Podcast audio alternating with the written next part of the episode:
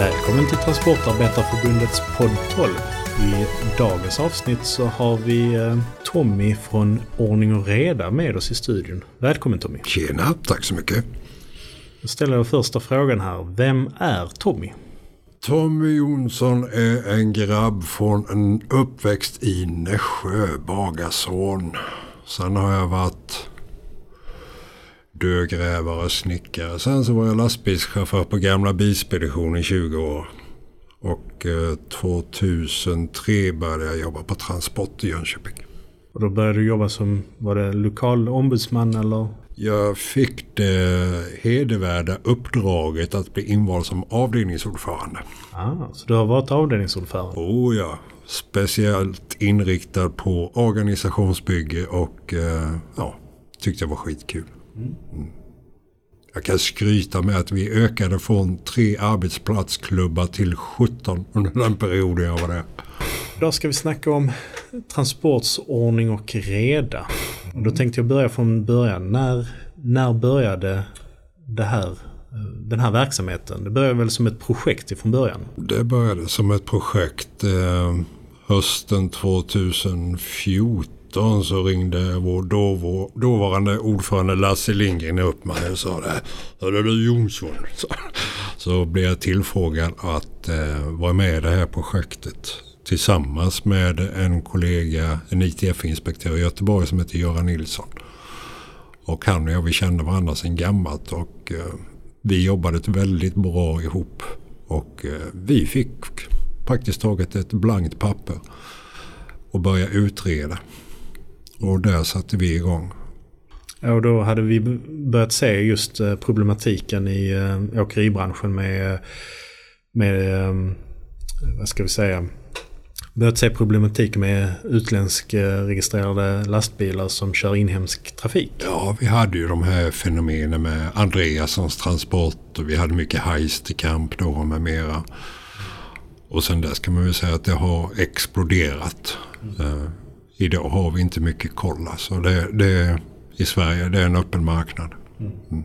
Så från 2014 då så höll ni på med det här projektet med att börja kartlägga. Eh, när kände du att ni började få liksom riktning på, eh, på själva vad projektet var på väg att leda till? Liksom? Vad var för information ni fick in? Började ni snacka med myndigheter eller var det bara för intern vetskap? Eller? Det kom rätt snabbt. Det kom rätt snabbt efter två veckor. Då visste vi direkt vad vi skulle jobba med. För vi tittade på, ja fine, vad är det för problem vi har? Och då började vi titta på, ja men vad är det, vad är det som är roten till det onda? Och så då kom vi in på det här med utstationeringsdirektiv, alltså cabotage, internationella transporter, kombitrafik.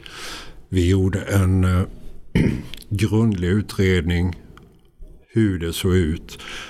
Vi gjorde en utredning på svenska åkerier som använder sig av utländsk arbetskraft. Vi visade med fakta hur mycket skatteintäkter vi gick miste om och det fick ett eh, riktigt genomslag. Vi blev uppkallade till eh, Stockholm och fick hålla föredrag för politiska partier. Vi blev efterfrågade att hålla föredrag för myndigheter, polis, ja, you name it. Alltså det fick omedelbart genomslagskraft.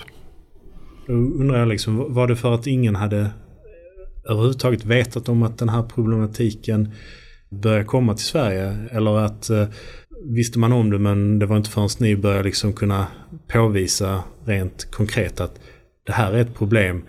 Eh, seriösa företag blir, under, alltså blir eh, konkurrerade på eh, fel villkor. Och de villkoren blir ju konkurrerade på lastbilschaufförernas arbetstagarens bekostnad. Man kan väl säga så att vad, vad, som hände då det var ju att samtalen fördes runt fikaborden, sociala medier, man pratade skit. Men det var ingen som gjorde någonting åt det. Det vi gick in och gjorde det var att visa med fakta att så här ser det ut. Och det här bör vi göra för att komma till rätta med problemen. Det började 2014 med att eh, Lars Lindgren kontaktade liksom dig och menade på att nu vill vi att du kör igång det här med eh, Göran Nilsson. När började liksom, eh, hur länge var tanken att projektet skulle pågå eller? Vi hade en projekttid på två år. Mm. Ja. Och sen, eh, ja vi lyckades väldigt bra i vårt arbete och det uppmärksammades i media faktiskt ett flertal länder. Sen tyvärr så avled Göran och jag blev själv. Så under nästan ett och ett halvt års tid, två års tid så jobbade jag själv i det här projektet. Det handlade mycket om kartläggning av Ikeas transporter. Jag fick åka ut och förhandla själv och det, det var en tuff period. Så det, var. det kan jag förstå. Just att um, komma in på, alltså hålla på med någonting som vi inte hållit på med inom transport tidigare. Ingen att kunna rådfråga eller bollplanka med för att det var ingen som förstod problematiken mer än ni som hade varit inne i projektet kan jag tänka. Det var, det var ju det som var lite frustrerande för mig, för, för mig personligen. Jag hade ju egentligen ingen att ringa och fråga. För myndigheterna visste inte svaret. Och inom förbundet så var det bara jag som visste om problematiken och jag som visste vad jag pratade om. Mm. Så det var lite frustrerande. Så uh, där hade vi mycket stor hjälp av Lasse Lindgren under den perioden. Sen efter de här uh, två åren då, liksom hur uh, la man bara ner det eller uh, upptäckte man, hade det kommit fram så mycket då att man kände från transportsida att det här behöver vi fortsätta med. Precis. Så det fortsatte liksom efter de här två åren? Oh ja. Det, man såg vikten av vårt arbete och eh, man såg även att avdelningarna ska kunna ha nytta av vårt arbete. Vi skulle, eller jag skulle kunna gå in i det fallet och hjälpa avdelningen när det gäller den här problematiken. Så då annonserade man efter en ny medarbetare. Och eh, vi permanentades. Så man anställde då Jimmy Ovesson. Och vi blir en permanent verksamhet under internationella verksamheten. Mm. Ja, för det har ju hänt rätt mycket för att man har ju sett, eh, ni har ju en Facebook-sida där ni har lagt ut filmer och pratat liksom om problematiken som har blivit uppskattat av eh, många som följer er. Nej, alltså, syftet med den här Facebook-sidan det var ju faktiskt för mycket snack på sociala medier var att transport de gör fan ingenting. Därför ville Jimmy och jag visa att det gör vi visst det. Och vi sa det att vi lägger en hög ribba. Vi säger som det är. Vi visar medlemmar och icke-medlemmar vad vi jobbar med för att komma till rätta med problematiken. Vi hänger ut företag ifall det så behövs. Och eh, i vissa fall så har det lyckats väldigt bra för vi har tecknat utstationeringsavtal, nationella avtal med sådana som inte har haft kollektivavtal. Så det har varit ett väldigt bra påtryckningsmedel. Nästan lite stridsvapen ibland. För man vill inte bli uthängd på sociala medier. Nej, precis. För att, eh, det som jag tyckte har varit bra när jag sett filmer också det är just att ni har kunnat påvisa just den här eh, trögheten mm. i myndigheter, trögheten i, i liksom riksdagen ja, och sånt. Ja, ja, ja. Det, ja. det är där problematiken är idag. Jimmy och vi satt och pratade just innan att vi måste få myndigheterna mer på banan. Mm. För det är det allting hänger på. Och ibland så har man ju varit ute och pratat med myndigheter och de har liksom, åh herregud så här kan vi inte ha det. Ja, men vad fan händer sen då? Vi måste trycka på mer och mer och mer. Och speciellt nu när vi har det här kommande mobilitetspaketet på gång. Mm. Mm. Och jag tänkte med, mobilitetspaketet där. Det där har vi väl haft rätt stor nytta med att, eh, att eh, vi har haft den här verksamheten eh, ordning och reda just med och sen kunnat vad heter det, upplysa problematiken så att styrelsen i Transport har kunnat vara med och bidra till den här kabotagestudien mm. med Sternberg. Ja. ja, där sitter jag också med i den styrelsen, forskarstudien. Ja men precis, så då, då fick man ju helt plötsligt en, ett världsunikt material på ja. problematiken. Mm. Och det måste ha spelat stor roll just sen när eh, vi kunde liksom påvisa när den här mobilitetspaketet skulle klubbas igenom att vi har hård data på att så här fungerar det. Mm. I, I alla fall den här delen av eh, världen. Alltså just, eh, eller i den här delen av Europa, i Sverige. Och då eh, och skulle det vara annorlunda i Sverige jämfört med något annat eh, EU-land. Sannolikheten till det är ju stort nej och det kunde ju många av de andra fackföreningarna påvisa också i Danmark att mm. vi har den problematiken. Vi har, och sen i Nederländerna och i Frankrike och Tyskland vi har den problematiken med att eh, du har ju de här chaufförerna som eh, blir eh, livegna. Liksom. De mm. är moderna slavar. De sover i hytten. De kan inte komma hem på flera månader för att... Eh... De definitivt. Eh, vi jobbar ju så jag och Jimmy för att få ordentlig information. Så är vi ute och pratar med de här utländska chaufförerna. Och man blir tagen. Det är inte bara det att vi kommer ut som fackförening och snackar utan man blir plötsligt en medmänniska med den här utländska chauffören och ibland så är det väldigt tufft att, att höra de här personerna för de vill gärna ofta stå med och prata om sitt liv, hur de lever. Mm. Och vi pratade med två bulgarer, äldre herrar som bjöd upp oss på middag på deras flak. Uh, och liksom de, de levde i bilen i åtta månader i sträck. Det var deras schema. Och hur skulle man själv reagera och bo i en hytt i åtta månader. Och det enda de gjorde, gjorde det var att köra runt i Skandinavien och se till så att våra lågprisvaruhus hade billig mat att sälja. Mm. Jag menar, vi, idag så går Svensson ut och tittar. Åh, oh, fine, här är det fair trade. Ja, men hur fan har det, hur har det transporterats? Är det fair trade? Nej, knappast.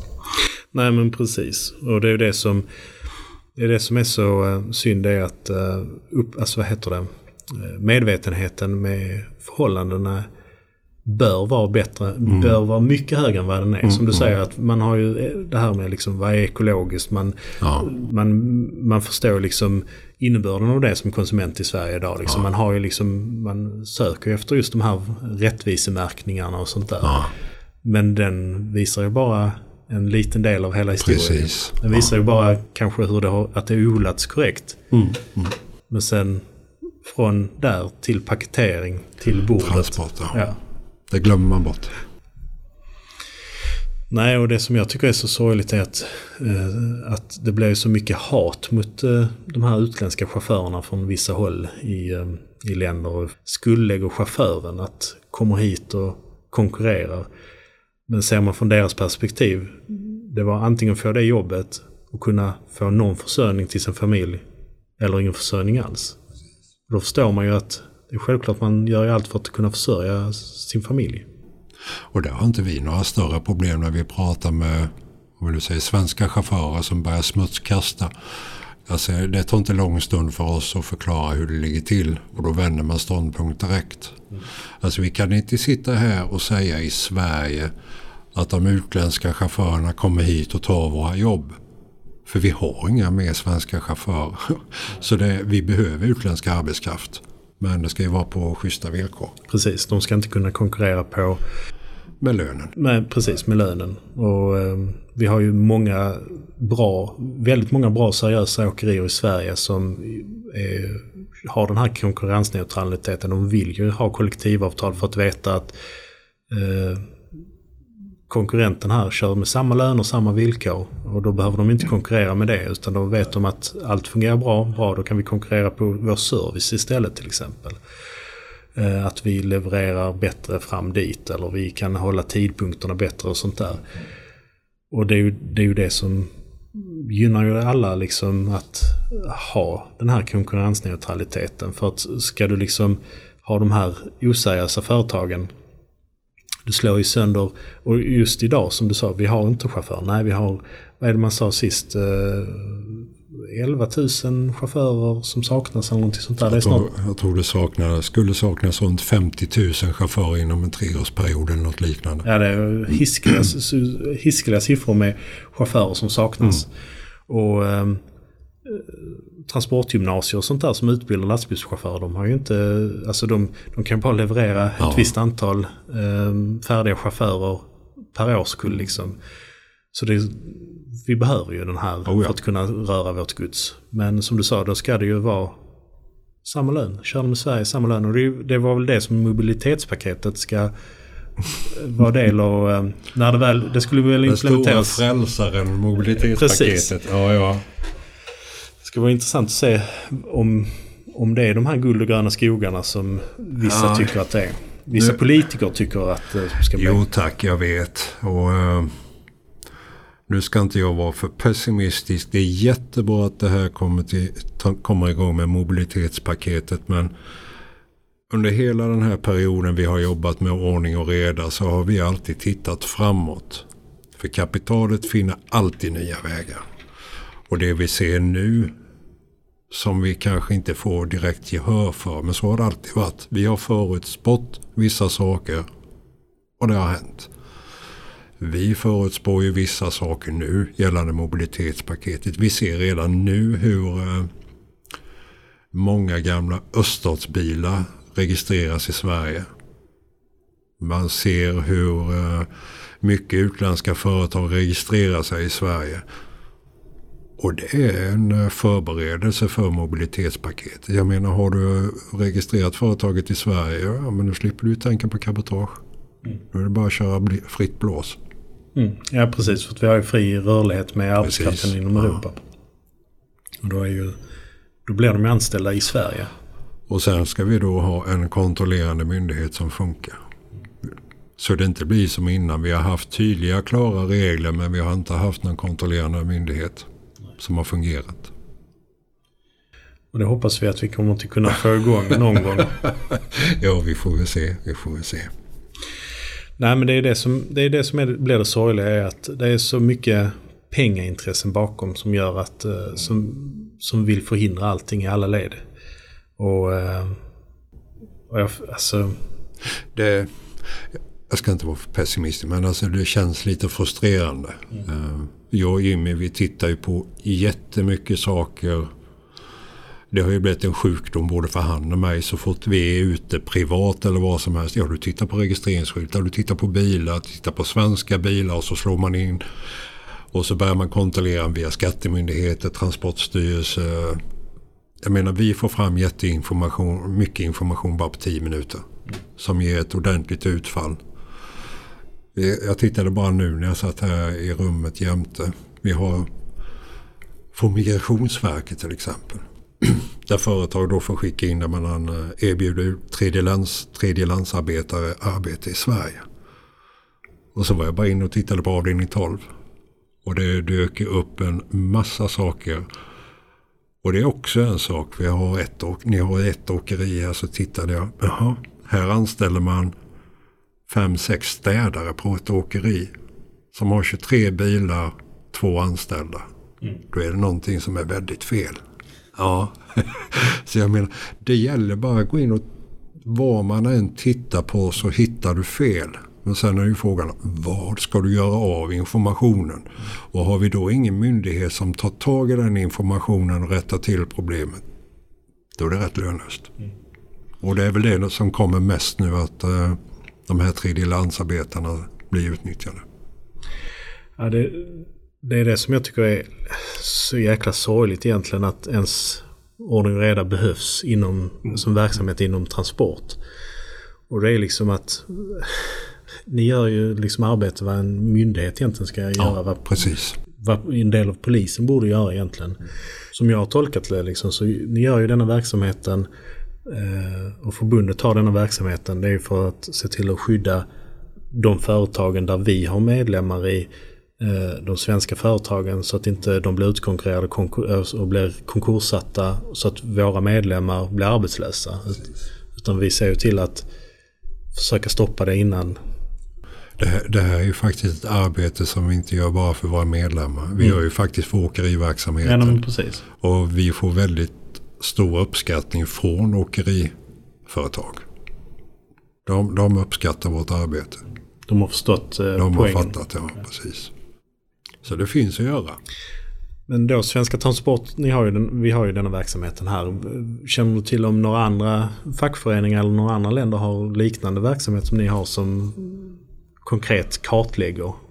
Ja, man har ju haft det via ITF, ETF men eh, jag tror vi är rätt ensamma om att hålla på med sån här verksamhet och just ha sån verksamhet som är så tätt knuten med myndigheter.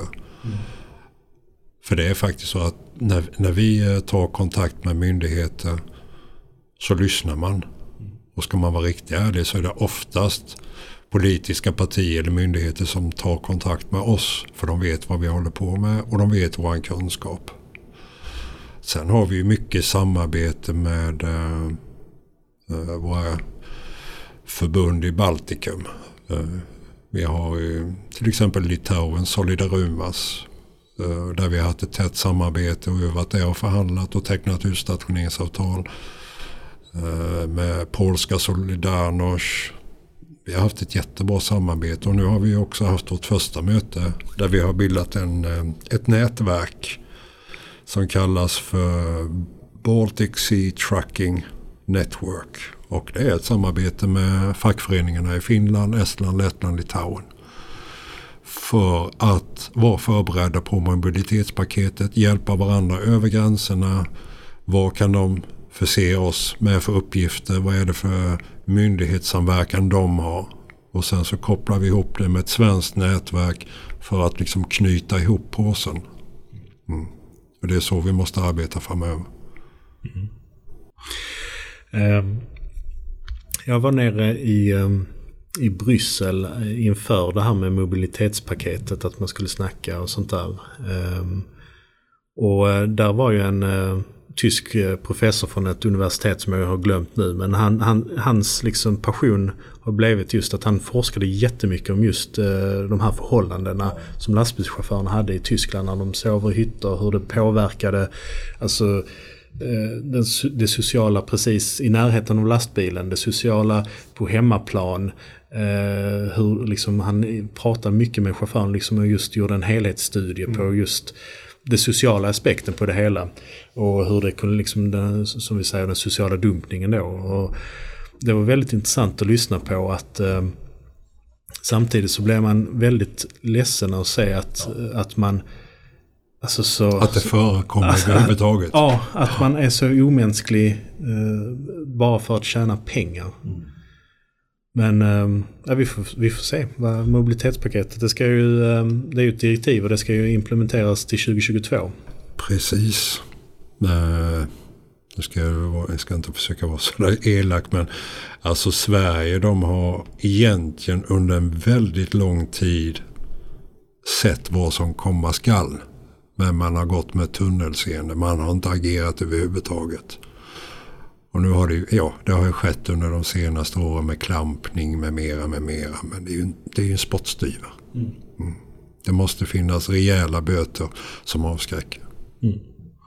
Ja precis, och, och ingen bötes eh, mot själva chauffören utan Nej. det ska, böterna ska hamna på företag som äger bilen. Ju. Chauffören är ju tvingad att utföra sitt jobb.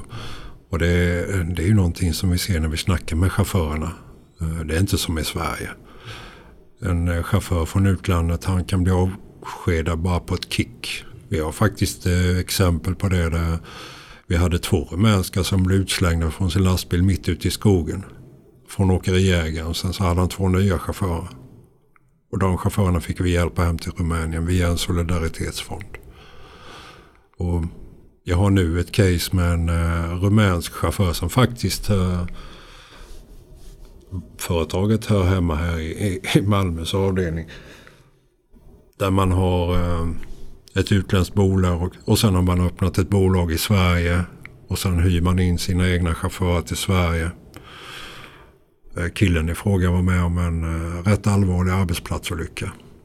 Det slutade med att arbetsgivaren tvingade honom att köra fast han hade gjort sig illa i ryggen. Sen så slutade det med ambulans till akuten. Eh, man hade uppenbarligen till och med fått tillkalla polis för arbetsgivaren skulle ge sig på honom och slå honom. Och han har fått stå för allting själv. Och man, man behandlar arbetskraften som djur. De är inte värda ett dugg. Speciellt inte rumänska chaufförer tyvärr. Och det, det är hemskt att behöva se det. Ja. Det är tillbaka till... Ehm, ja, alltså det är så hemskt att sånt ska förekomma i, i, liksom idag. För det, att, alltså, ser vi liksom historiskt, ja vi har haft så i, mm. i Sverige också där vi var förbrukningsvaror på eh, industri och liksom sånt där. Mm. 130 år sedan. Eh, vi började liksom förbättra. Ja, det är ju bara ett par generationer sedan men det är ändå långt borta. Alltså, man trodde att världen hade kommit förbi ja. sånt här beteende. Framförallt Europa liksom sånt tro, trodde man skulle... Jag tittade på fackföreningsrörelsen i Europa eller de baltiska länderna. Jag menar de är där vi var för 70-80 år sedan. Då, när de tittar, vi hjälper ju dem med för att visa till exempel hur våra kollektivavtal är uppbyggda. De försöker implementera saker i deras avtalsförhandlingar. Och eh, jag vet, vi har ju varit med och hjälpt till i Litauen där de gjorde sitt första nationella kollektivavtal. Och det är, det är jättekul att man har kunnat vara med och bidra till det. Mm. Det har varit mycket sånt arbete med att eh, samarbeta med andra fackförbund i Baltikum. Men även samarbete med myndigheter. Och eh, vi har varit och hållit föredrag. Men det måste ju hända någonting också. Man kan inte bara ta emot problemen och veta att de existerar. Man måste också agera och göra någonting åt det. Mm. Vi har haft eh, jättebra samarbete med myndigheterna. Det är väl det som är lite synd. Om vi nu pratar med vår Facebook-sida. Vi kan ju inte gå ut och tala om riktigt vad vi arbetar med. För vi jobbar väldigt informellt. Och det är ett ömsesidigt förtroende mellan myndigheter, arbetsgivare eller vilka som helst. Att de vet att när vi pratar med, med Tommy och Jimmy på ordning och reda så vet vi att informationen stannar där. Ja. Skulle vi tala om allt vad vi jobbar med så ja, det skulle inte vara populärt.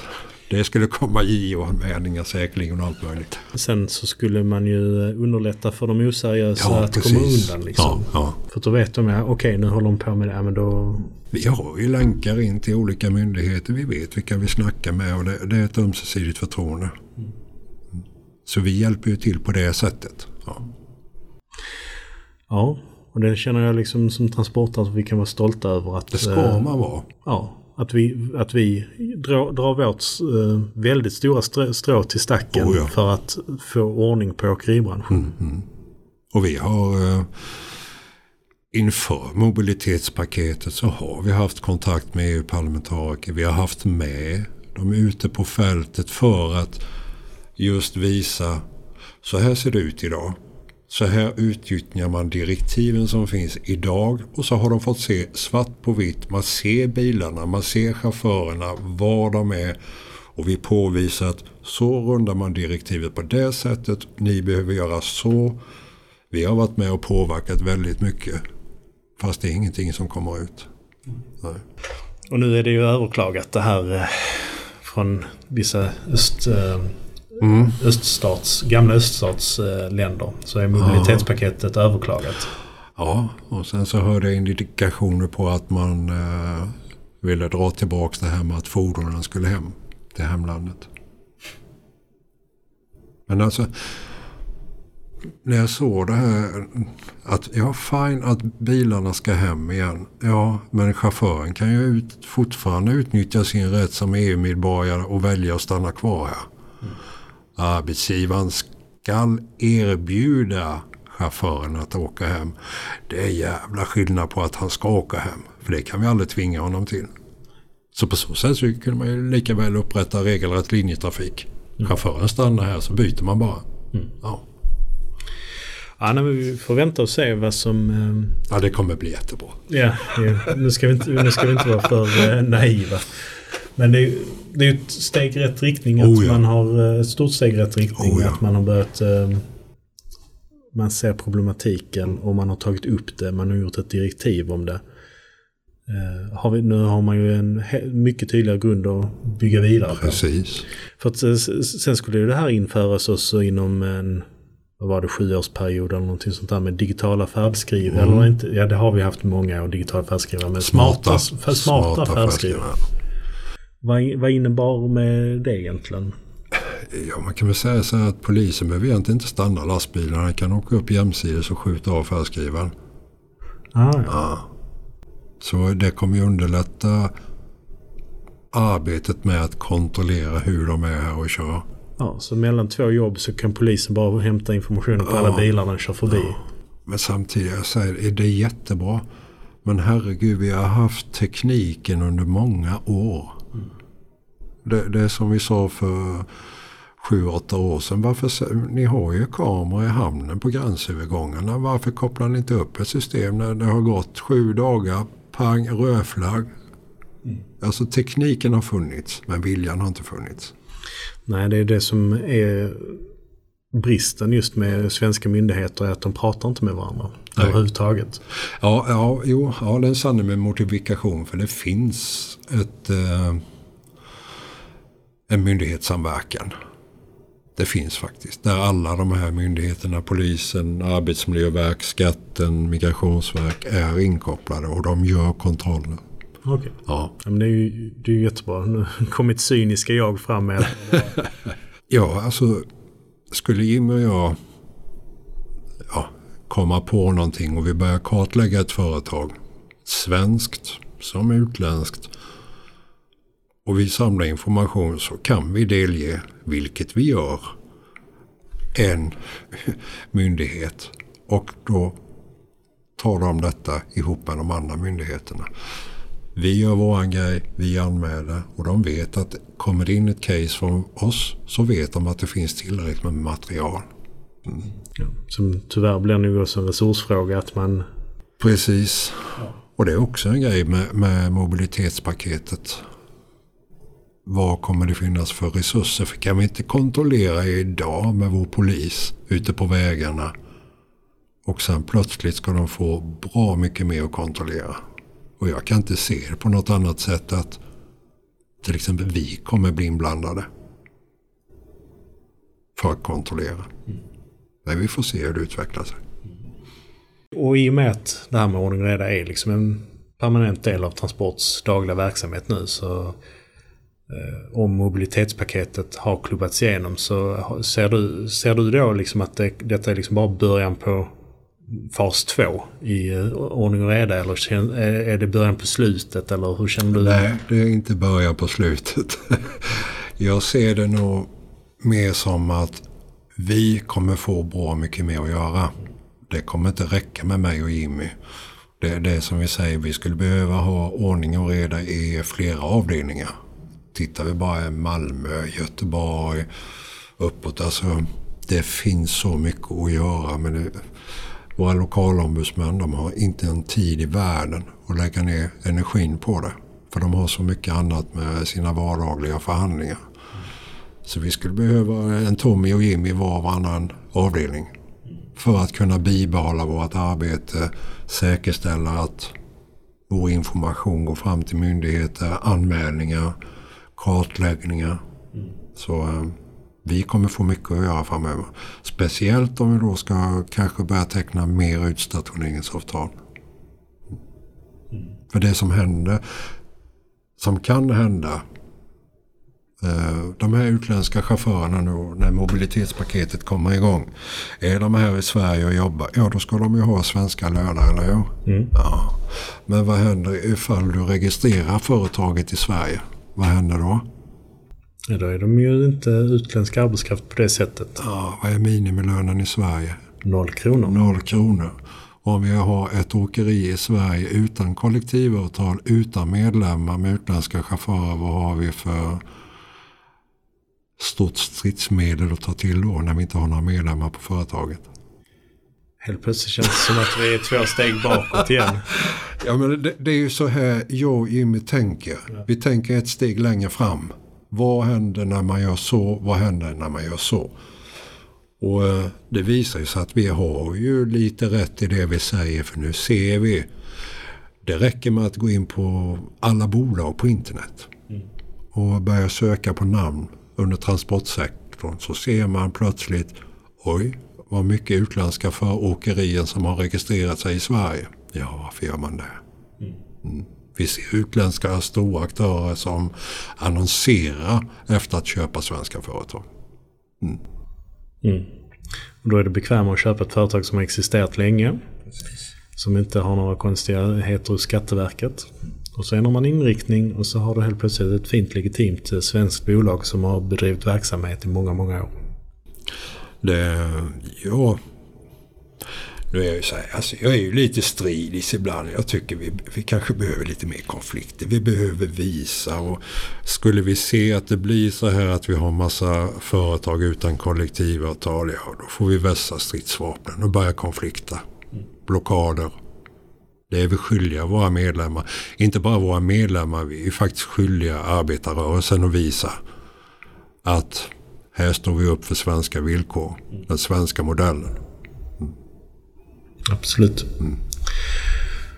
Och eh, via er Facebook-sida då så kan man ju tipsa er om eh, saker man ser, liksom platser. och- Det har hänt flera gånger. Vi har fått in eh, anonyma, inte, nej de är inte anonyma. Men man vill bara delge oss och vi har fått in massor med saker. Och det är både från åkeriägare, chaufförer som har tagit kort och visar oss uppställningsplatser ute i skogarna med mera.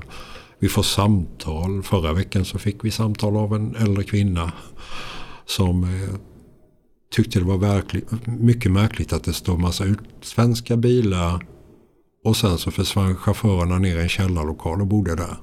Alltså det kommer folk reagerar och man, folk tycker att det, vad fan är det här? Så här kan det inte vara. Det är något som är fel. Och då kontaktar de oss. De som känner till oss. Men är det så att man vill eh, delge oss någonting så går det alltid mejla oss eller gå in på vår Facebook-sida Ordning och reda i åkeribranschen och skicka iväg ett meddelande. Ja, och med Ja. det så tackar jag för att du Jajamän. tog dig tid Tommy. Tack för att jag fick komma. Ha det bra. Ha det!